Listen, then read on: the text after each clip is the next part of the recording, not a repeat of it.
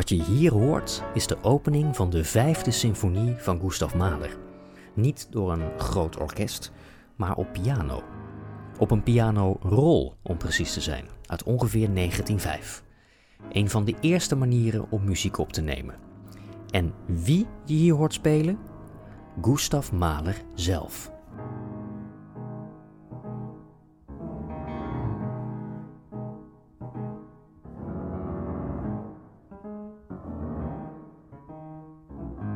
In zijn zomerhuisje, in de spaarzame weken vakantie van zijn drukke baan als directeur van de Weense Hofopera, schreef Gustav Mahler in de zomers van 1901 en 1902 zijn vijfde symfonie.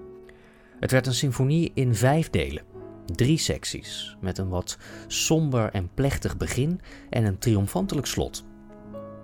Hij was zo begaan met de uitvoering van de symfonie dat hij die het liefst voor altijd zelf zou hebben gedirigeerd. Het in kunnen spelen van zo'n pianorol was destijds een nieuwigheidje dat Mahler vast en zeker gewoon leuk vond om uit te proberen, maar hij gaf ook toestemming om de rol te bewaren en opnieuw af te spelen, alsof hij alle muzici alvast toespreekt. Zo moet het. Ik ben Rahul Gandolahagen en in deze podcast van Preludium neem ik je mee in de vijfde symfonie van Gustav Mahler.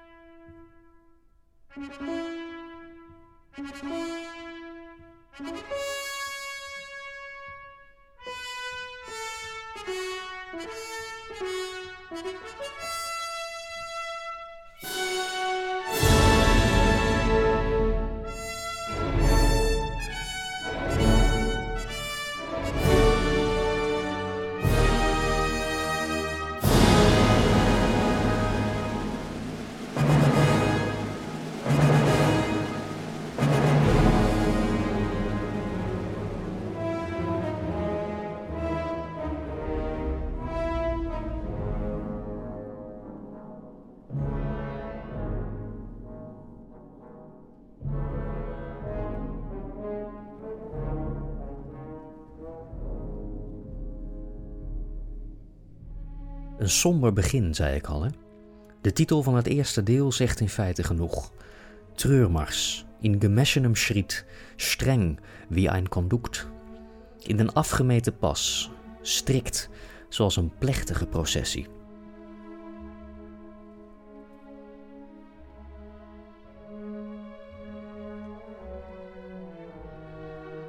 Dirigenten gebruiken die oude pianorol die je net hoorde inderdaad graag als uitgangspunt voor een eigen interpretatie. Dirigent Semyon Bichkov zegt bijvoorbeeld: Wat eraan opvalt is hoe ongelooflijk expressief Mahler speelt. Je beseft dan ook hoe schizofreen zijn muziek is. Neem de eerste maten met die beroemde trompetsolo. In de partituur staat een streng tempo. Maar wat doet Mahler aan de piano? Hij speelt die drie noten veel sneller, waardoor ze veel indringender worden maar geen triool meer vormen.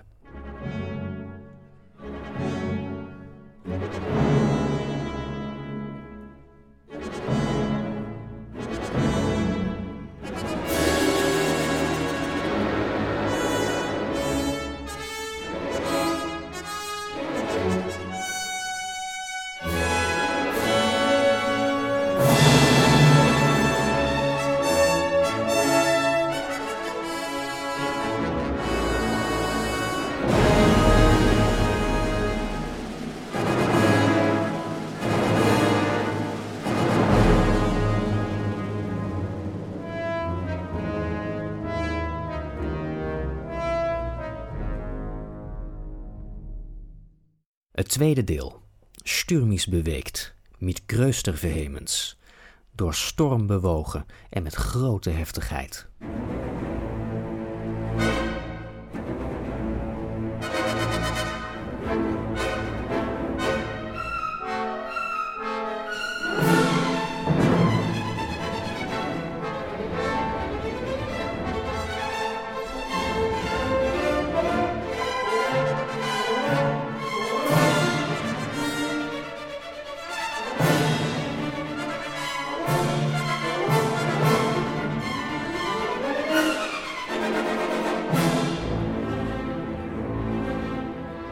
Dit tweede deel zit een beetje vast aan het voorgaande.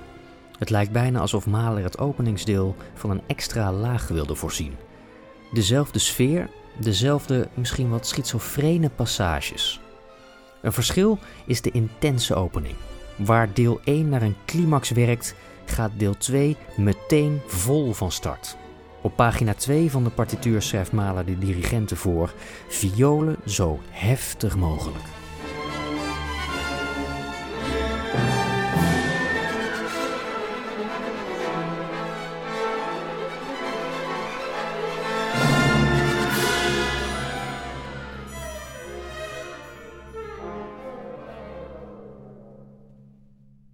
Eerste twee delen vormden voor Mahler een sectie. Met het derde deel begint de tweede sectie. En tussen de opening van de eerste twee delen en die van het derde deel, het scherzo, is bijna geen groter contrast mogelijk.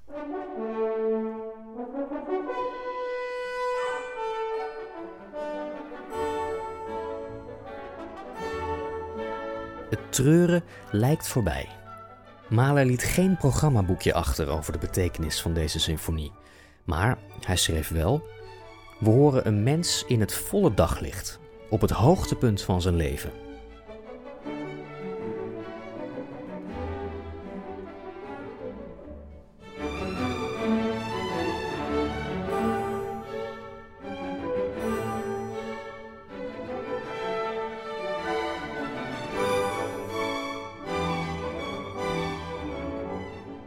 Mahler haalde zijn inspiratie voor dit deel uit typisch Oostenrijkse dansen, een lentler en een wals. Al zijn er maar weinig duidelijke structuren te bespeuren in dit vrolijke deel. Dat is ook niet de bedoeling, volgens Mahler in een brief. Deze muziek is door en door gekneed tot er geen fractie meer onveranderd is. Het hele stuk tolt in een duizelende dans. En inderdaad, geen enkel stukje komt hetzelfde terug. Hm, toch klinkt het logisch.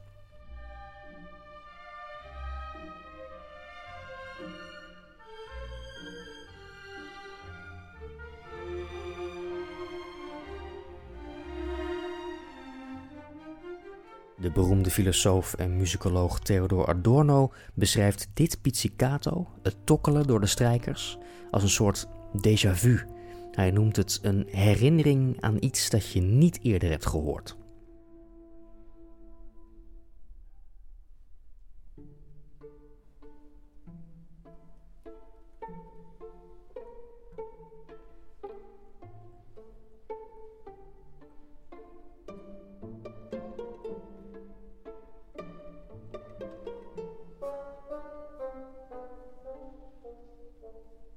Toen Mahler deze symfonie zelf repeteerde, merkte hij in een brief op dat het scherzo een duivelse deel is dat nog moeilijkheden zou gaan bezorgen. De komende 50 jaar zullen dirigenten dit te snel gaan spelen, zegt hij. Och, en het publiek, wat moeten zij maken van deze chaos?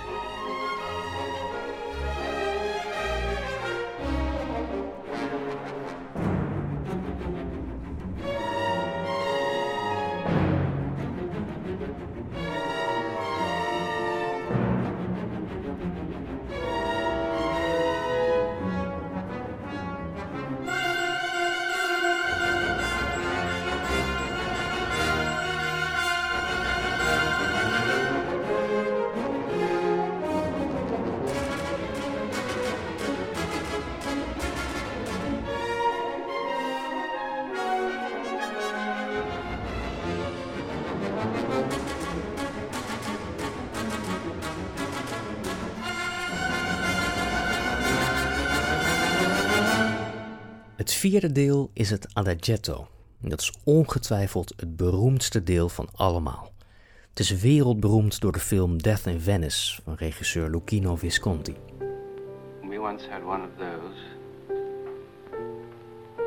in my father's house. The aperture through which the sound runs is so tiny that at first it seems as if the level in the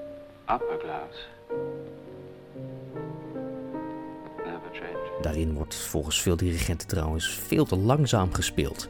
Dat is door Mahler namelijk geschreven als een klinkende liefdesbrief. De toen 22-jarige pianiste en componiste Alma Schindler vond de bladmuziek zonder toelichting tussen haar post. Gustav Mahler had haar tijdens het operaseizoen in Wenen ontmoet en was smoorverliefd geworden. Het stel trouwde in 1902. Het werd uiteindelijk een moeizaam huwelijk, maar dat was allemaal pas na deze vijfde symfonie.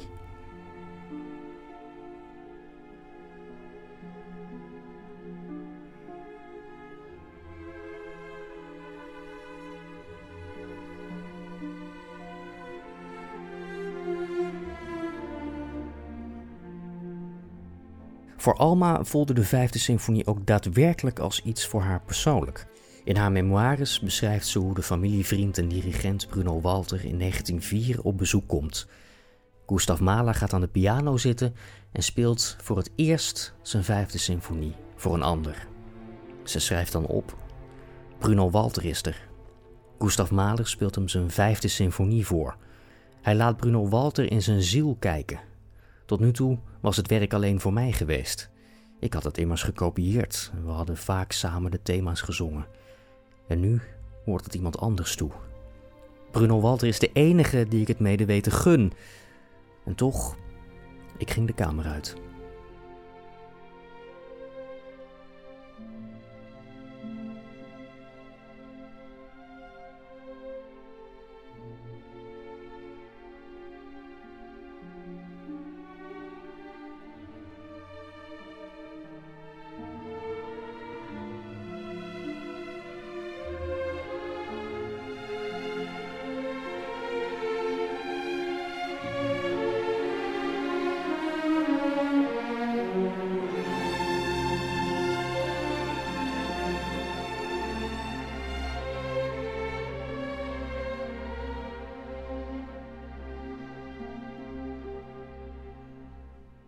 Het adagietto gaat, zoals dat zo mooi heet, attacca verder in het laatste deel, de rondo finale voor het hele orkest.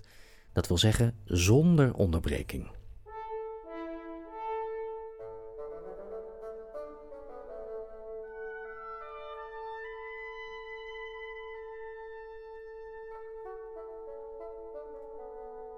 In het laatste deel vat Mahler de hele symfonie samen.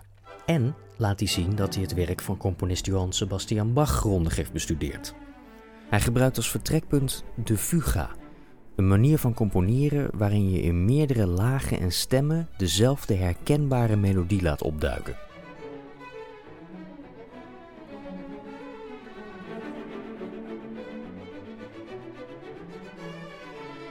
Het belangrijkste motief klinkt zo.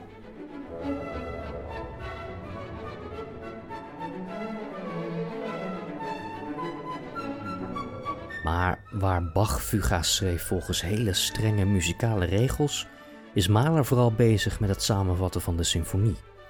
Dat blijkt als de fuga plotseling plaatsmaakt voor een wals, die uitmondt in iets dat verdacht veel lijkt op het adagietto dat we net hebben gehoord.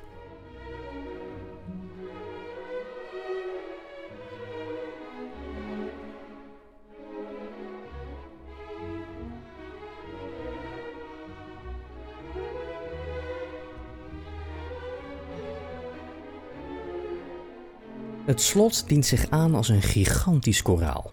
Een plechtige melodie die vlak voor het staartje plotseling in de koperblazers opduikt.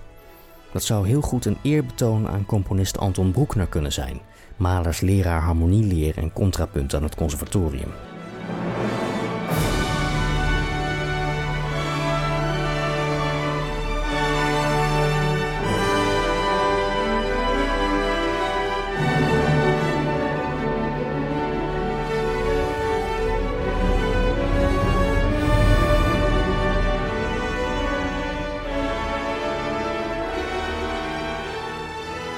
De vijfde symfonie van Mahler. Een symfonie in vijf delen, van somber naar triomfantelijk.